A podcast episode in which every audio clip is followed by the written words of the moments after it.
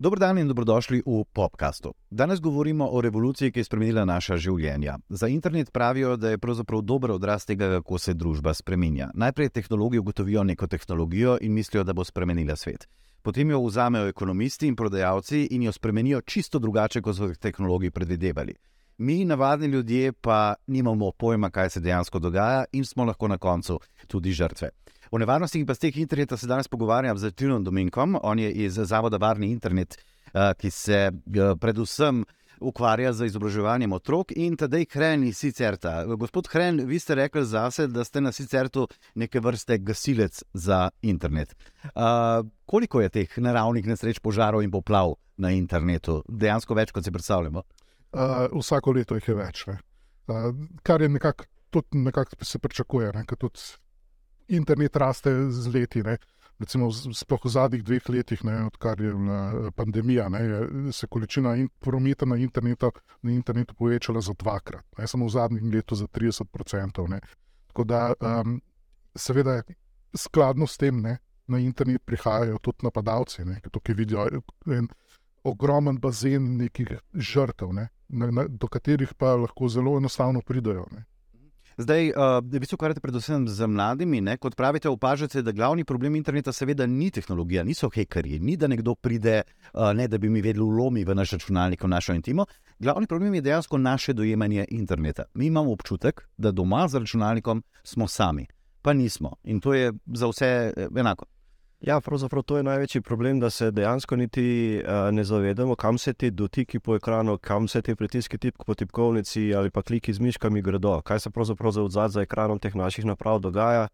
In to je nekaj, kar uh, želimo mi pravzaprav uh, sploh otrokom povedati, da v ozadju za temi našimi napravcami ne, je en ogromen, ogromen svet, o katerem je tudi prej Tadej omenil. In, in med 5,4 milijardami ljudi, kot je po zadnjih podatkih, nekako ljudi na internetu, ki jih uporablja, je težko pričakovati, da bodo vsi samo dobro mislili. In uh, zato se mi zdi zelo pomembno, da še posebej mlade upozorimo na to vrste stvari, kjer uh, popolnoma brez kančka zavor delijo informacije, stvari, ki pa jih v realnem življenju nikoli ne bi, ali pa bi bili zelo, zelo pozorni pri teh stvarih, ko jih delijo.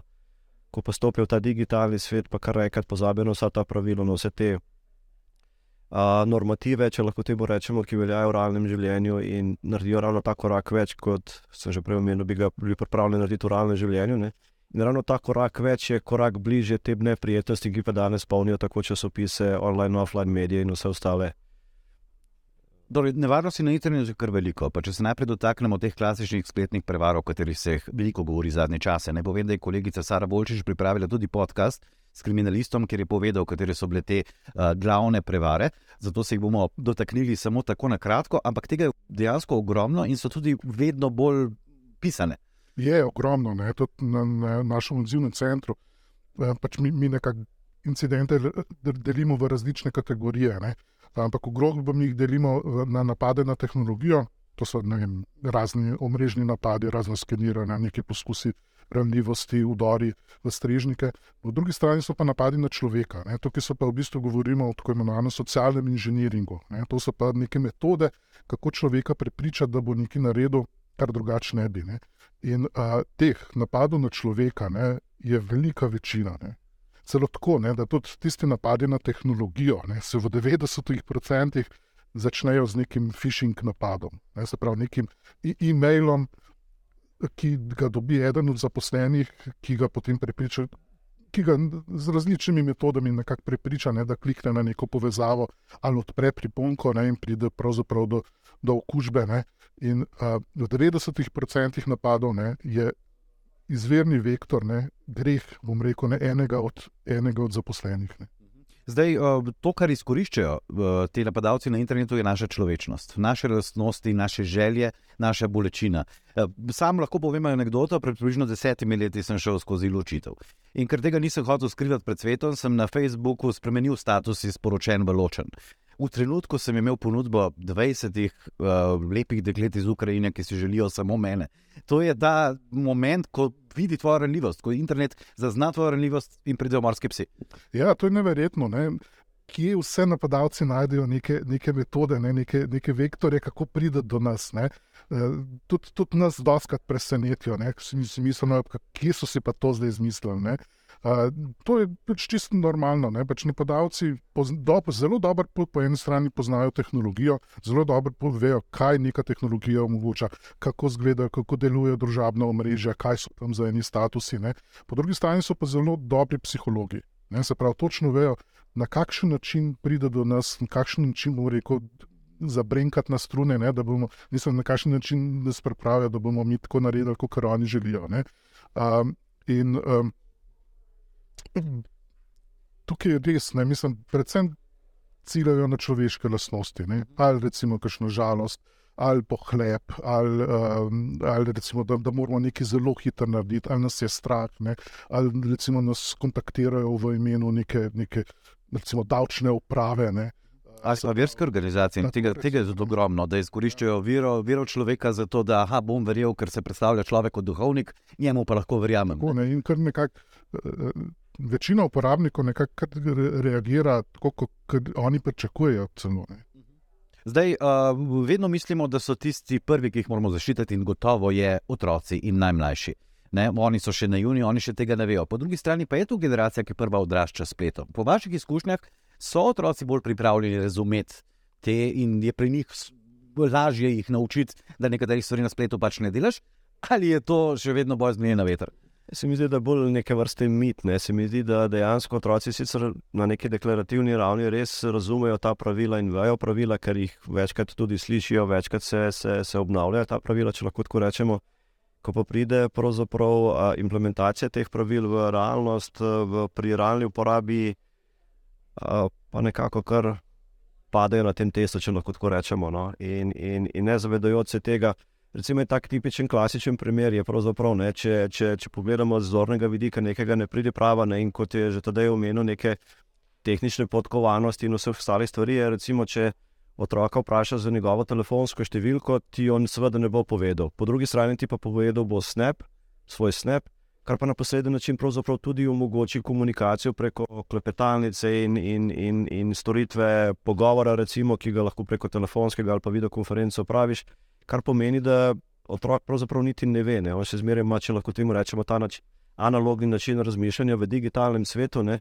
To pa nekako ne gre. Ne? Če si v digitalnem svetu, moraš digitalno razmišljati ne? in tukaj ti manjka otrok, oziroma to neznanje, ki ga otroci ne, eh, ne malo krat imajo. In ko ste ravno omenili, če jaz nekomu dam telefonsko številko, me lahko pač pokliče. To je tisto, kar sem mu dal roko. Če mu dam dostop do svojega Facebooka, bo vedel, s kom se družim, kje sem, eh, kaj počnem, kaj so moje želje, kaj se mi dogaja v življenju, kje živim. Vse to bo lahko zvedel s tem. Torej, količina podatkov, ki jih damo s tem, je neverjetno večja in tudi možnost zlorabe za to neverjetno večja. Ja, ne, v bistvu, mi se niti ne zavedamo, ne, kaj napadalci lahko. Oziroma, kaj nekdo lahko naredi s temi podatki, ki jih mi damo v javnost. Ne? E, tipičen primer so recimo izseljevani z intimnimi posnetki. E, tega je zadnje čase precej veliko, ne reče se mu, v bistvu ste storšen. Mi temu rečemo, um, v bistvu prevara zgleda tako, no, da ponovadi ciljajo na neke moške, niti ni važno starost, predstavijo se v obliki profilov lepih mladih dam. Um, ki najprej na malo koketirajo z, njim, z žrtvijo, ne, potem zelo hitro grejo na video pogovor, se tam slečejo, seveda je zadnji sem posnetek, ne, uh, in ko se sleče tudi pač žrtev, ne, dobijo posnetke in tako začnejo usiljevati. In na kakšen način usiljujejo? V bistvu, oni usiljujejo tako, da bodo rekli: Eto, ta posnetek bomo zdaj poslali tvoji ženi, bomo poslali tvojim, v, v tvojo službo, bomo poslali tvojim prijateljem. Ne? Zakaj to oni vejo, kdo so te, te osebe? Zato, ker smo mi te, te podatke dali javno, oziroma pač smo jih dali na Facebook. Uh -huh. In Ja, jaz bi mogoče samo tukaj dodal, ne, da v Sloveniji imamo en lep pregovor, ne, da ena slika pove več kot tisoč besed. Ne. In danes dejansko družbeno mreže niso drugega več ali manj kot neke slike, če pogledamo Instagram, Snapchat in tako naprej. Ne. In s tem, ko mi kot prvo delamo slike z mobilnimi napravami, ne, dosti krat pozabljamo, da ena taka slika, ki jo naredimo z mobilno napravo, nosi bistveno, bistveno več informacij, kot si mogoče v danem trenutku ljudje predstavljajo.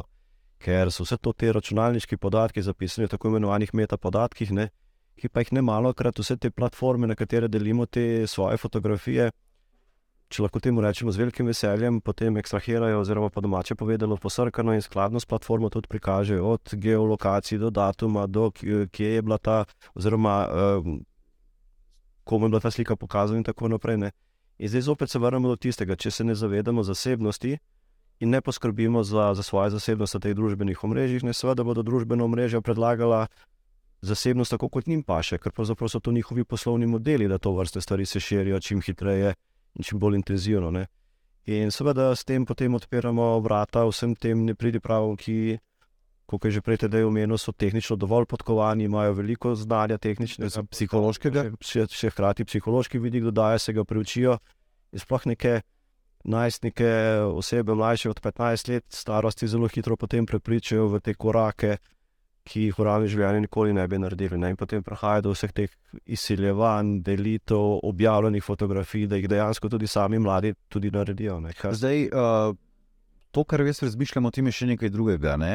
Tudi mladi, tudi ta generacija ima pravico do mladosti. Morala bi imeti pravico do neke svobodne mladosti. Tudi mi. Smo v mladosti preizkušali meje. Pa ali je šlo za kakšne bolj divje zabave, ali je šlo za prvo ljubezen, ali za te stvari, popolnoma naravno je, da preizkušaš te stvari. Ali bo zaradi te nevarnosti interneta lahko ta generacija, če bo toliko pazila na sebe, oropana tega? Ali se mora pač zavedati, da splet je javnost in da stvari, take stvari delaš v krogu prijateljev, brez telefona, brez uh, računalnika, brez tega? Ma, jaz mislim, da, ta, da so te generacije že oropane praktično vsega tega, ker dejansko z vsakim z, z enim preprostim klikom prideš v njihovo zgodovino, vidiš, kaj so počeli, kje so bili, s kom so se družili, kaj so počeli v preteklosti. In nažalost se izkazuje, da vse to danes uporabljajo tudi različna podjetja, kadrovske službe, najmodajalci, recimo, ki te preverijo, ali si primeren kandidat za njihovo stanovanje. Recimo, ne, zdaj še čakamo, da bo šlo mogoče kaj na više nivoje. Šlo, ampak aplikativnost uporabe ali pa prej bom rekel zlorabe teh podatkov je danes že, že zelo velika in, in, in to je tudi ne na zadnje skrb vzbojujoč podatek. Zdaj smo že storili ta korak naprej ne, in smo iz spletnih prevar, za katere še enkrat uh, vabimo vse gledalce, da si pogledajo uh, podcast, ki je namenjen samo temu, v uporabo, ki je popolnoma legalna in lahko pa tudi zelo zoprna za ljudi. Kot ste rekli, preverjanje zgodovine, internet nikoli ne pozabi. Imamo primer, ko se je poslanec napil na, uh, na neki zabavi, pa je bil, pa lahko o tem mislimo dobro ali slabo, ampak ta fotografija se je danes pojavila potem na plakatih pred volitvami. Ta fotografija bi lahko tudi vaša. Eh, tudi moja, iz kakšne zabave, mogoče ni bilo tako hudo, ampak gotovo so kakšne fotografije, ki raje ne bi, da jih ljudje vidijo. Uh, kako se braniti proti temu? Ali imamo na internetu pravico do pozabe? Veliko se je govorilo o tem. Uh, ja, imamo. Mislim, načeloma imamo, ne? zdaj je vprašanje, kako, kako je pa to možno izvesti v praksi. Um, treba se zavedati, ne, da pač to, koliko bo, kolik, kolik bo na internetu objavljeno od, na, od nas ne, je predvsem odvisno od nas samih. Se pravi, koliko bomo mi informacije delili z, nekim, z neko javnostjo, z nekimi, na nekih državnih omrežjih. Ne. Tako da, če se mi odločimo, ne, lahko to načeloma vse čist prekinemo to zadevo. Zdaj, vprašanje je, koliko pa nekako.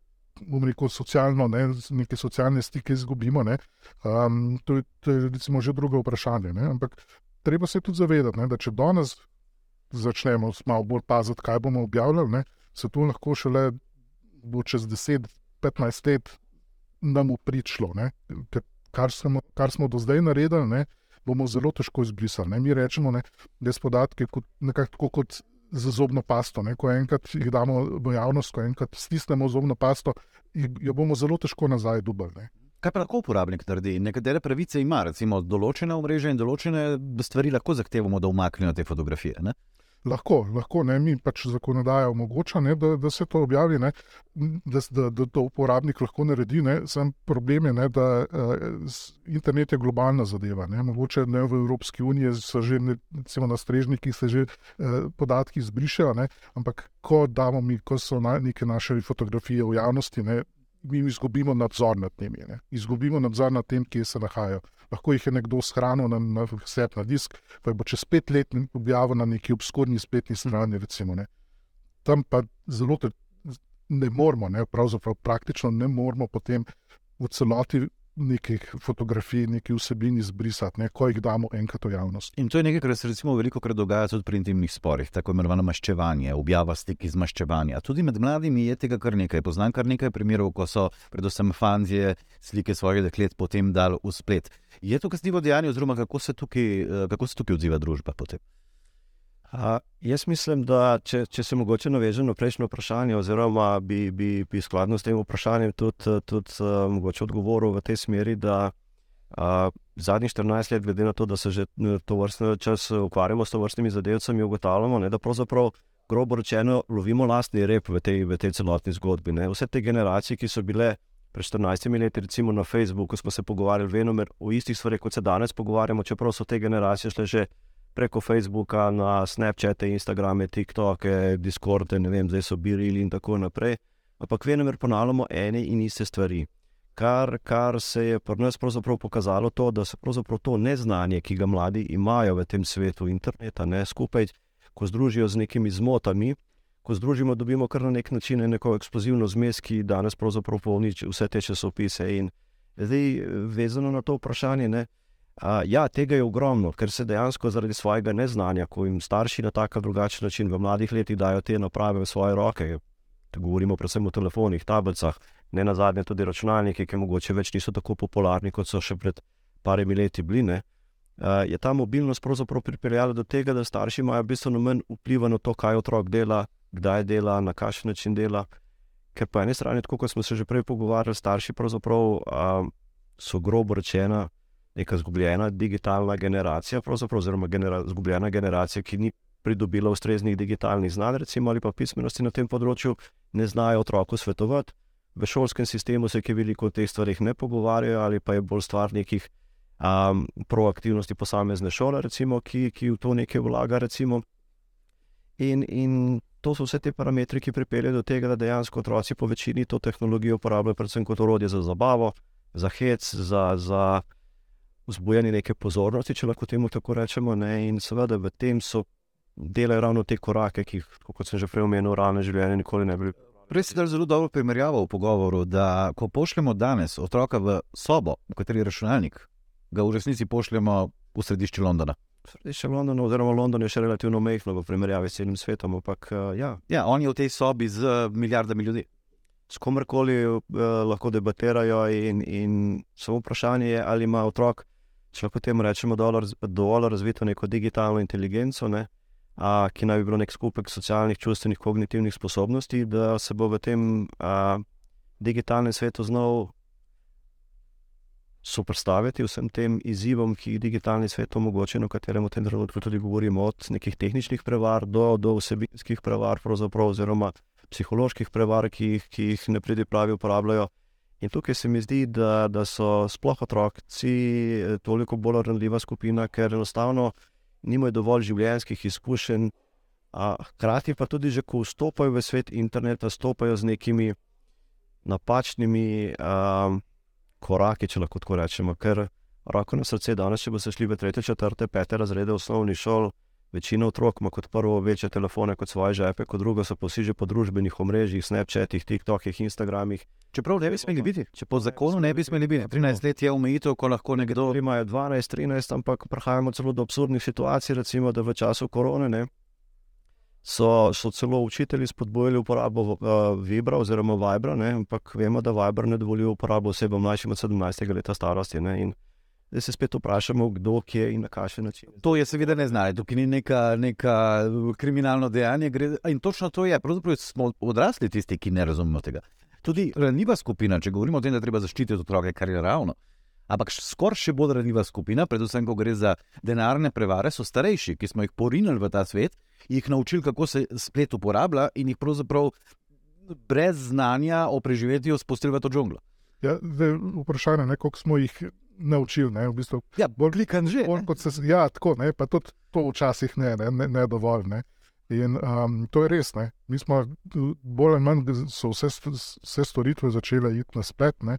če dalje manj so neke konvencionalne storitve, recimo telefon, pošta. Ne. Uh, če dalje manj je tega. Ne.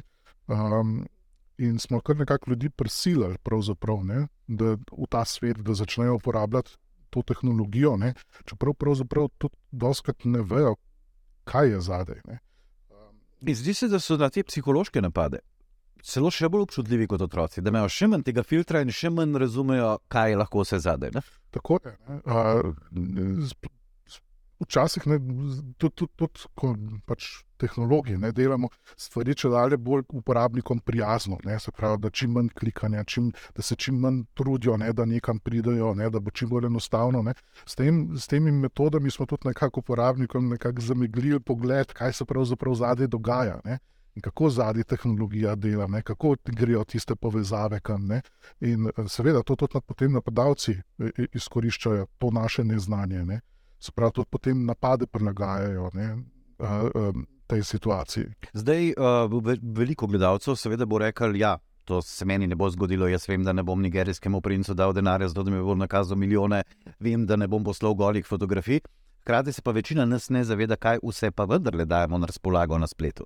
Uh, lepa misel je bila, da nam se zdi, da Google uh, je zaston, da nam nekaj podarja. V resnici Google ne prodaja nam storitve, ampak smo mi njegovo tržno blago, nas prodaja drugim. Tržnikom, dobro, če dobim samo reklame, zaradi tega sem to še pripravljen sprejeti, ampak ali vemo vsi te podatki, kako se bodo čez pet let dejansko lahko uporabljali? Praktično ne. Strinjali smo se pa s tem, ne, ko smo potrdili, seveda, tiste uh, ogromne uh, strani razno raznih pravnih uzancev, ki jih vsako pravno, uh, vsaka platforma praktično danes že, že, že podaja. Ne, seveda, zato, če začnemo, želimo začeti uporabljati te stvari, se moramo z njimi strinjati, tudi če jih mogoče ne razumemo. Ne.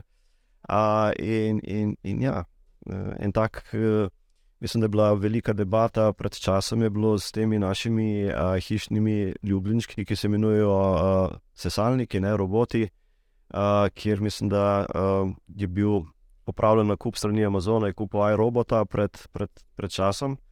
In tam noter jasno in glasno piše, da pravzaprav v, v, pravnih uh, uzancih, da pač lahko prodajo te podatke tretjim osebam. In zdaj en robotek, ki je se izpopolnil v tehniki, v tem, da vam že skenira z uh, postanovanje, zve, kakšna kvadratura je, GPS je povezan, zato da se vi lahko nadaljavo povezujete in vse ostale zadeve. Smo kar naenkrat sporočili ogromne informacije neki tretji osebi, ki jo praktično niti ne poznamo, ker je ta tretja oseba. Kdo je neko iz Afrike, iz Azije, lahko iz Amerike. Kakšne pravne zgodbe so v tistih državah, ki te stvari uporabljajo, so eh, zopet stvar debate. Torej, In, ja. če povem konkretno, to, da uporabljaš ta sesalec, lahko pomeni, da nekdo pozna točen tloris vašega stanovanja. Ja, točno tako. Ne? In te malo zmogljivejši, recimo, iRoboti, ne, imajo te, kot sem rekel, a, skenerje noter, da, seveda, da se ne zaleti v njega, da ti bo bolj ustrezno odseval in tako naprej. Ne? Se pravi, tehnika je šla tukaj v, tako kot je tedaj rekel, v prijaznosti do uporabnika korak naprej, ne? ampak s tem pa pravzaprav pridobiva bistveno več informacij od dotičnega, recimo, temu stanovanja, uporabnika in tako naprej. Ne? In seveda za voljo izboljševanja tehnologij in tako naprej smo ne malo krat pripravljeni te stvari tudi deliti z, z proizvajalcem, ali pa zato, ker smo dobili ekstra 5% popusta pri nakupu tega, smo bili pripravljeni te informacije deliti. Skratka, poslovni modeli v ozadju nas venomer prepričajo v to, da bomo prihranili 5 evrov, 7 evrov, po drugi strani se pravzaprav zaradi 5 evrov odpovemo po svoji zasebnosti in, in lastnemu jazu v končni fazi. Po drugi strani pa tudi tako, da po eni strani dajemo podatke, po drugi strani pa internet zato, da nam podatke daje. Torej, veliko stvari nas zanima, od tistih zelo uporabnih do tistih, ki so nam v zabavo. Tukaj se pa lahko celo zgodi, da ne vede, ko smo del neke skupine, pravzaprav postanemo kriminalec. Prav zdaj imate primer, ko je cela skupina otrok pravzaprav zagrešila hudo kaznivo dejanje, s tem ukvarja policija. Uh, ja, pač njim se zdi, da je to zabavno, si v, v, v, v klepetalnicah potem te stvari uh, širijo naokrog. Šlo pa je za otroško pornografijo. tako, tako, in policija je stopila uh, uh, vmes in zdaj pravzaprav te stvari raziskujejo. In, in uh, starši tudi dosti krat pozabljajo, ne, da otroci do 14. leta starosti, oziroma za, za neprijetnosti, ki jih upravijo otroci do 14. leta starosti, so starši tisti, ki odgovarjajo pred sodnikom za prekrške, policijo in vsemi ostalimi. Um, institucijami, in uh, ja, zato je toliko bolj pomembno, da se po eni strani otroci zavedajo tega, po drugi strani pa tudi starši vedo, v kakšen svet otroke pravzaprav podajajo. No? Zdaj, uh, koliko pa se to s tem mogoče srečujete, da nekdo po nevedi ne vede ali pa iz naivnosti pristane v kazenskem postopku. Imeli smo primer enega nekdanjega poslanca, ki so ga obravnavali zaradi mladoletne pornografije, ker je bila na njegovem uh, računalniku fotografija neke 17-letnice, mislim, da je pač pobrana spleta, ni je poznal. Običajna fotografija, ampak uradno gre tukaj za kaznivo dejanje. Verjetno pa ali on ali tisti, ki je to dal dol, niti ni vedel, da je dekle mladoletno. Vse take stvari dogajajo, je tudi to problem. Ja, dobro, no, to, ki zdaj vprašanje, je tudi namenjeno. Ja, ja, kaj, kaj je bil namen te fotografije, zakaj je to preneslo. To je v bistvu končni fazi sodnega postopka. Ne se pa mhm. tudi dogaja, ja, tudi pri nas. Tudi, recimo, uh, mi vidimo uh, tako imenovan pojav denarnih mulj. Ne, to so v bistvu osebe, ki jih goljufi novačijo pod krinko dela od doma, z različnimi izgovori, recimo, da gre za nek, delo za neko podjetje, za, da zaradi neke davčne optimizacije oni dobijo nek denar in ga potem pošljajo naprej. Ne. V bistvu pa ta denar, ki ga dobijo oni na, na bančni račun, ne, izvira iz nekega kaznivega dejanja. Ne. Za pra, klasično pranje denarja. Klasično pranje denarja. Ne? In mnogo, mnogo teh oseb ne, niti se ne zaveda, ne, da sodeluje pri tem. Pa, gre lahko tako osebo v zapor, če odkrijejo to, če razbijajo to skupino kasneje. Zdaj tukaj spet, ali je vedela ali ni vedela, ne, ali je sumila, da bi to lahko bilo ali ne. ne. Um, Pač, Gotovo je pa že zopet, v postopku policije. Ne? Tako ja. dejanje je kaznivo, ne? zdaj kaj bo pa sodišče reklo, je pa seveda stvar sodnega postopka. Ne? Tudi, tudi to je ta nevarnost. In tretja stvar je pojav spletnega nasilja. Tukaj pa bomo rekli, da tudi mi smo se zafrkavali v šoli. Tudi, tudi nam so kdaj rekli, tudi mi smo velikašnega sovražnika, s katerim smo bili na bojni nogi. Ampak ko se to dogaja na spletu, ko na spletu vedno bereš kritike o sebi, zafrkancije, vice na svoj račun, je to lahko precej huje in precej bolj te zadane kot uh, uživo. Ja, jaz bi rekel, da so to uh, v današnjem obdobju neke stare težave v novi digitalni probleki. Ne? In včasih, če je ta konflikt bil omejen na šolo, na dva, tri posameznika, danes tega ni več. Lahko na desetine, stotine oseb sodeluje, lahko pri tem časovno neomejeno, prostorsko neomejeno. In, in to je tisto, kar uh, še v nekem dejstvu, da potem pa te vsebine ostanejo zavedene na internetu, ne je še toliko bolj boleča ta, boleča ta izkušnja, ki se, ki se je posamezniku posameznici zgodila. Recimo, en primer, ki ga je ena mama izpostavila, je bilo prav, da, da slišiš svojega sina, 15-letnika, da se, da se po noči oka. A, po N debatah in pristopih, in tako naprej, ugotovila, da pa več ga zbadajo z, z gejem, in da to seveda ni, in zdaj se to širi okrog, in vsi ga vsake toliko časa a, na ta način dajo, in enostavno je pod pritiskom teh, teh razno raznih objav, delitev, neresnic, pravzaprav se psihično zlomil in, in na ta način pravzaprav iskal neko. Recimo, temu TFO rešitev ali kaj podobnega. No, se, potem so skupaj to vse skupaj razrešili, ampak Bili pa so primeri v svetu, občutkov, občutkov, ki jih je mogel tam narediti. Bili so primeri v svetu, ko je to pripeljalo do samomorov, bili ko je to pripeljalo do tega, kako pa se tukaj šola zaveda. Je, so svetovalne službe tukaj dovolj izobražene, da reagirajo pravilno na take, ali je spet odvisno čisto od šole same.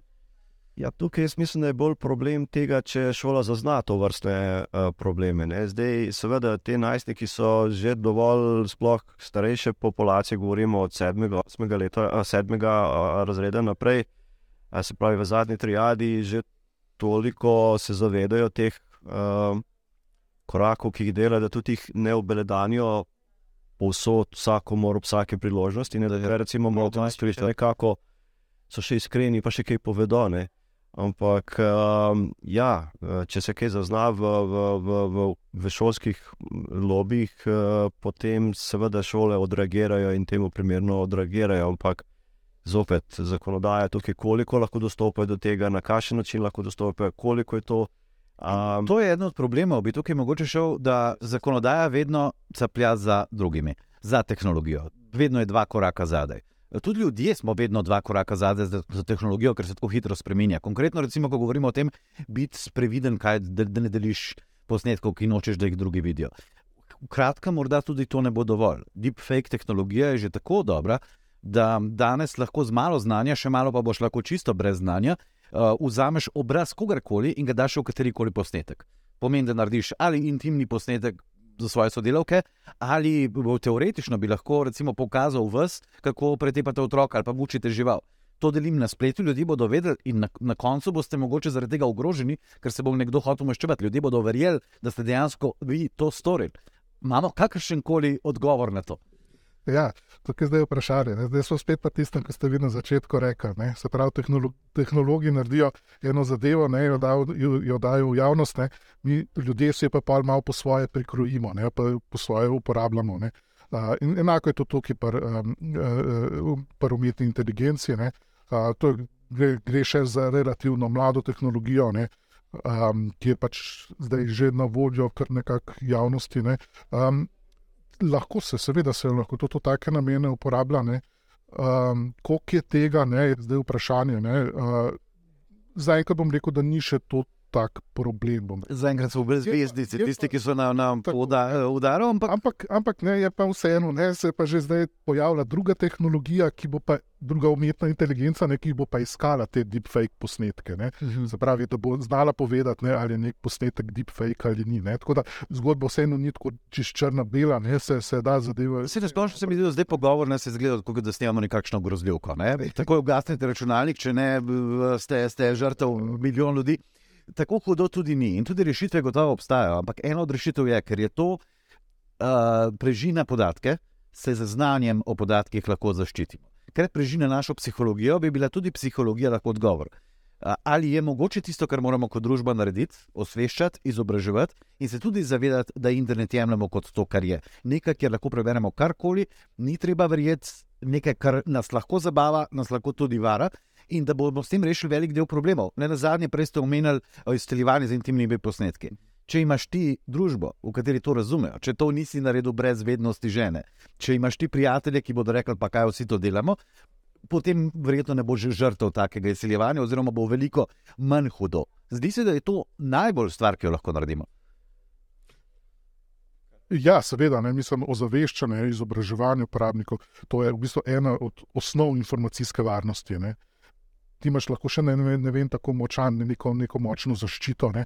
Ampak, če ti uporabnika ne, ne, ne, ne poveš, pa ne, ne, ne izobraziš, ne, kaj se zadaj dogaja, ne? zakaj ne sme on klikati na tisti link, ne? potem se je bolj malo naredil. Ne? Ampak tukaj je vseeno treba paziti, ne, da, da to, so, to so mehki koraki. Uh mhm. -huh. Zato, ker tudi že, recimo, opažamo, ne, da če, če, če pa preveč bombardiramo ljudi, ne uporabnike z nekimi nasveti, ne, pa tega ne smete, pa unga ne smete, pa zakaj si tam kliknil, ne, pa ne smeš ti zelo odpirati, ne, potem postanejo. Mal se jim ne, ne, ne, ne ljubi več, ne. v bistvu jih obraten učinek dobiš ne, eh, na koncu. Ne. Tako da to, to so taki mali koraki, počasi je treba, ne, ampak ustrajno. Se pravi, mi si zelo želimo, da se to tudi potem v šole prenese, ne, da bi bil to tudi izobraževanje o informacijski varnosti, zasebnosti, to del nekega šolskega kurikuluma. Ne. Um, potem tudi mi to v okviru uh, programa Varni na internetu probujemo čim več ozaveščati uporabnike ne, uh, na, uporab na tak način, da bodo zapravo zastopili. To, za, zakaj tam ni treba, zakaj ni dobro, da ti stkneš. Tudi vi ste prav v pogovoru omenili, da vi izobražujete predvsem mladino, da ste poskušali imeti programe za odrasle, pa ni bilo zanimanja. Uh, ja, pravzaprav ne, da ni bilo zanimanja, ampak so imeli starši preveč en tak občutek zaupanja v vas, v ta digitalni svet, ja, to pa mi vse obvladamo, vse nam je popolnoma jasno. Ne? Ampak, tako kot je že tedaj uh, omenil, oziroma tudi v, v samem pogovoru, uh, jaz mislim, da se vsi skupaj zavedamo, da smo ljudje najšipkejši člen v tej varnostni verigi interneta. In, in to, kar se pogovarjamo, kaj inštitucije morajo država narediti, zakonodaje poslovni model in tako naprej, vedno pridemo na posameznika. On je tisti, ki klikne, on je tisti, ki objavi neko stvar, ki jo deli zadevo. Recimo, in, in um, ja. Recimo, bo, če bo v družbi postalo kot znak sramote, da recimo deliš nek mail, ki nekoga žali, ali pa da bo postalo, da ne bo več sramota, če si žrtev takega nasilja, ampak te družba podpre, to bi bil dober korak recimo, ampak to bo verjetno trajalo generacijo dve, da pridemo do tega. Ja, veste, jaz, jaz, ja, ja, Moramo, kot družba, moramo tukaj odrasti. Zgleda, ne, tukaj smo še, še dost, dost mladi, no, kar se tega tiče. Ja, jaz doskrat na, na, na, na, na, na predavanjih uh, staršem jih preprosto vprašam, vprašam, ali bi bili pripravljeni svojemu otroku, ki je recimo v, v, v osnovni šoli, ne, da je ključe od avta, pa reče: Pet malo šolsko igrišče, pa se vrnem na 8-9 zvečer z avtom nazaj. Ne. Ja, ni starša, ki bi bil pripravljen to narediti. Ne. Pa je isto avtotehnologija, tako kot je internet tehnologija v končni fazi. A, ker kot prvo se starši zavedajo posledic, ki se lahko zgodijo zaradi po eni strani a, nesreče do, do svojega otroka, po drugi strani komu lahko on tretji osebi škod, zakonodaje v ozadju in tudi starši dobro vajo. Moraš biti 16 let star za to, da dobiš šoferski spit, narediti spit, si potem mlad voznik. Skratka, družba je v celoti poskrbela za to, da to tehnologijo varno uporabljamo. Sicer smo za to potrebovali vem, 100 ali še kaj več let, ampak vseeno, ne, internet je toliko hitreje prišel vse pore našega življenja in mislim, da tudi zato bolj intenzivno moramo pristopiti k to vrstnim stvarem, da dejansko, če drugega ne, saj otroke pripravimo na svet, v katerega pravzaprav vstopamo. Se prej smo se pogovarjali o, o umetni inteligenci, o bogateni resničnosti, ne vem, internetu stvari se lahko pogovarjamo o, o, o veliki količini podatkov in vsega tega, a otroke pripravljamo na ta svet. Se danes otroci, ki stopajo v šolski sistem, ne, bodo delali na delovnih mestih, ki danes sploh še ne obstajajo. Problem je tudi, da je to svet, ki ga mi ne razumemo. Zato smo, zato smo tukaj starši. Braje ne gledamo tega, zato ker se nam zdi, da nimamo nobene za. Ja. In, in, in si mislimo, da okay, se bo to šlo mimo, se to so neke najstniške. Eh, po domače povedano, fore, ne, pa bodo že šli čez to, ampak ne, ne, te stvari, vsak klik, ki ga pustijo v digitalnem svetu, se jim bo vse prej kot bumerang vrnil nazaj, lahko v, v nekih oblikah, kot smo se prej pogovarjali. Ali zaradi problema pridobitve službe, ali boga partner, partnerica čekirala, tako kot mladi rečejo. Ne, in, in zaradi tega mogoče vez, zveza ne bo šla v tisto smer, kot si mogoče on želel, pa pride do nekih. Sam, tukaj imamo ta kabel 22, preko smo omenili starejše.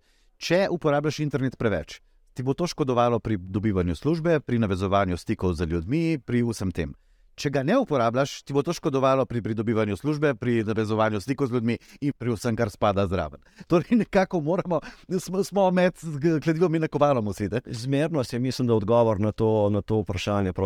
Ni nič narobe, da ga, da ga uporabljamo, ne pa preko, prekomerno te stvari uporabljati v smislu deljenja informacij in nespametne uporabe tega. Ne. Tako ja, neka dobra mira, zdrave kmečke pameti. Tako razumemo. Ja. Spet pa tem. Ja, torej, s pametjo na internet eh, še vedno je zelo uporaben, da ne bomo govorili samo slabo, omogoča nam veliko, eh, daje nam veliko možnosti, odpira svet. Za konec bi rekel pa nekaj takega. Internet ima probleme, zato ker so ga ustvarjali tehnologi in ekonomisti uporabljali, uh, niso pa, ne razumejo pa ga psihologi, sociologi, uh, in drugi družboslovni poklici. Ker smo imeli zdaj ravno informativne dneve za upis na fakulteto, vedno pogosteje govorimo, kako potrebujemo uh, predvsem ljudi, ki delajo na naravoslovju, predvsem tehnologe, inženirje. Prav internet nam dokazuje, da lahko družba, ki stavi samo na to, kako se nekaj naredi in kako se s tem zasluži, razpade. Da potrebujemo za to, da bi rešili to veliko psihologov, sociologov, komunikologov, tudi filozofov na zadnje, ki bi lahko našli rešitve, kako človek komunicira z internetom in kako se mora internet spremeniti, da se človeku prilagodi. Se s tem strinjate in ali uporabljate tudi vi, psihologe, vem, da imate tudi v svoji skupini. Ja, se popolnoma strinjam. Ne? Kot družba se moramo prilagoditi temu mediju, ki, ki je vse prej kot a, počasi prišel v naše, naše življenje. Ne? Z astronomsko hitrostjo je prišel, če primerjamo z ostalimi mediji, mislim, da je internet v, v petih, desetih letih dosegel to, kar so nekateri mediji, kot je televizija, radio, potrebovali desetletja za te zadevce. Recimo, um, in, in tukaj, jaz temu rečem, je družba bila popolnoma nepripravljena na ta, na, na ta uh, tehnološki boom, če ga lahko tako imenujemo, interneta. Ne? In, in zato je, mislim, da danes to, o čemer debatiramo, toliko velik problem na večjih nivojih, tako na institucionalnih nivojih, kot na nivoju posameznika a, družbene celote. In, in seveda, a, samo tehnika ne bo pripeljala do tega, da bomo bolj varno uporabljali, moramo tudi razumeti, zakaj. Zato potrebujemo tudi ne na zadnje. Družboslovne vede, s katerimi bomo lahko na kakšen drugačen način te stvari obdelali, jih zgladili, da ne bodo tako ostre, kot so zdaj v tem trenutku, da bomo dobili lepo okrogle oblike, s katerimi bomo lahko jih ukomponirali vse vidike družbe in življenja vsako, vsakega posameznika, posameznice. Ja, vi sicer večinoma sodelujete bolj s tehnologijo, ker je to vaša služba, ampak tudi sodelujete z, z ljudmi, ki razmišljajo točno tudi o tej uporabi, o tem vidiku. Ja, zelo veliko krat ja, bi potrebovali ja, tudi eh, strokovnjake z teh področji.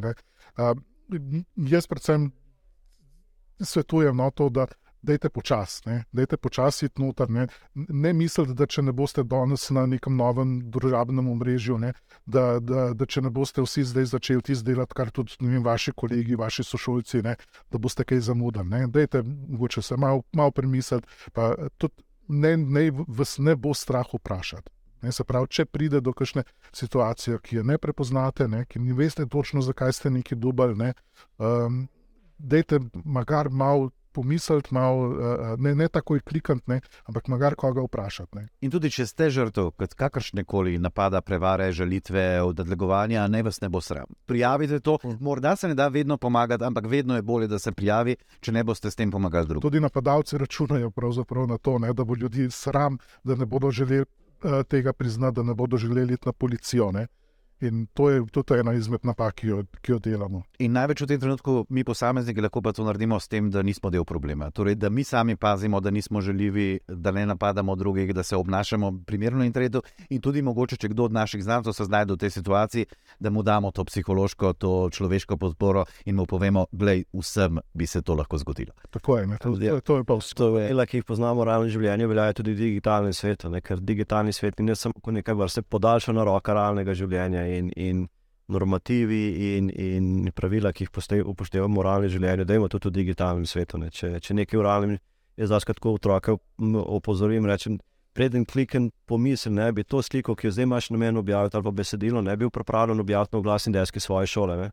Če odgovor ne, pol tega ne narediti na, na, na, na spletu, ker je še enkrat več uh, deležnikov, ki to stvar lahko vidi. Uh, in, in to je tistih par sekund, ki jih je potrebno ukomponirati v, v, v vedenje posameznika, posameznice. A, in če bo teh par sekund se bilo ukomponiralo v, življenje posameznika, posameznice bodo bistveno manj predvidevan, da so, oziroma mislim, da teh neprijetnosti. Ne pridi pravi, pa posebej, če si bodo najdel, pa tudi kakšne druge še te vzvode. Za... Po drugi strani pa družba tudi mora razumeti, da vsak ima par sekund slabosti v življenju. Ja. S to mislijo bi uh, za danes končal. Najlepša hvala za pozornost in uh, spremljajte podcast še naprej.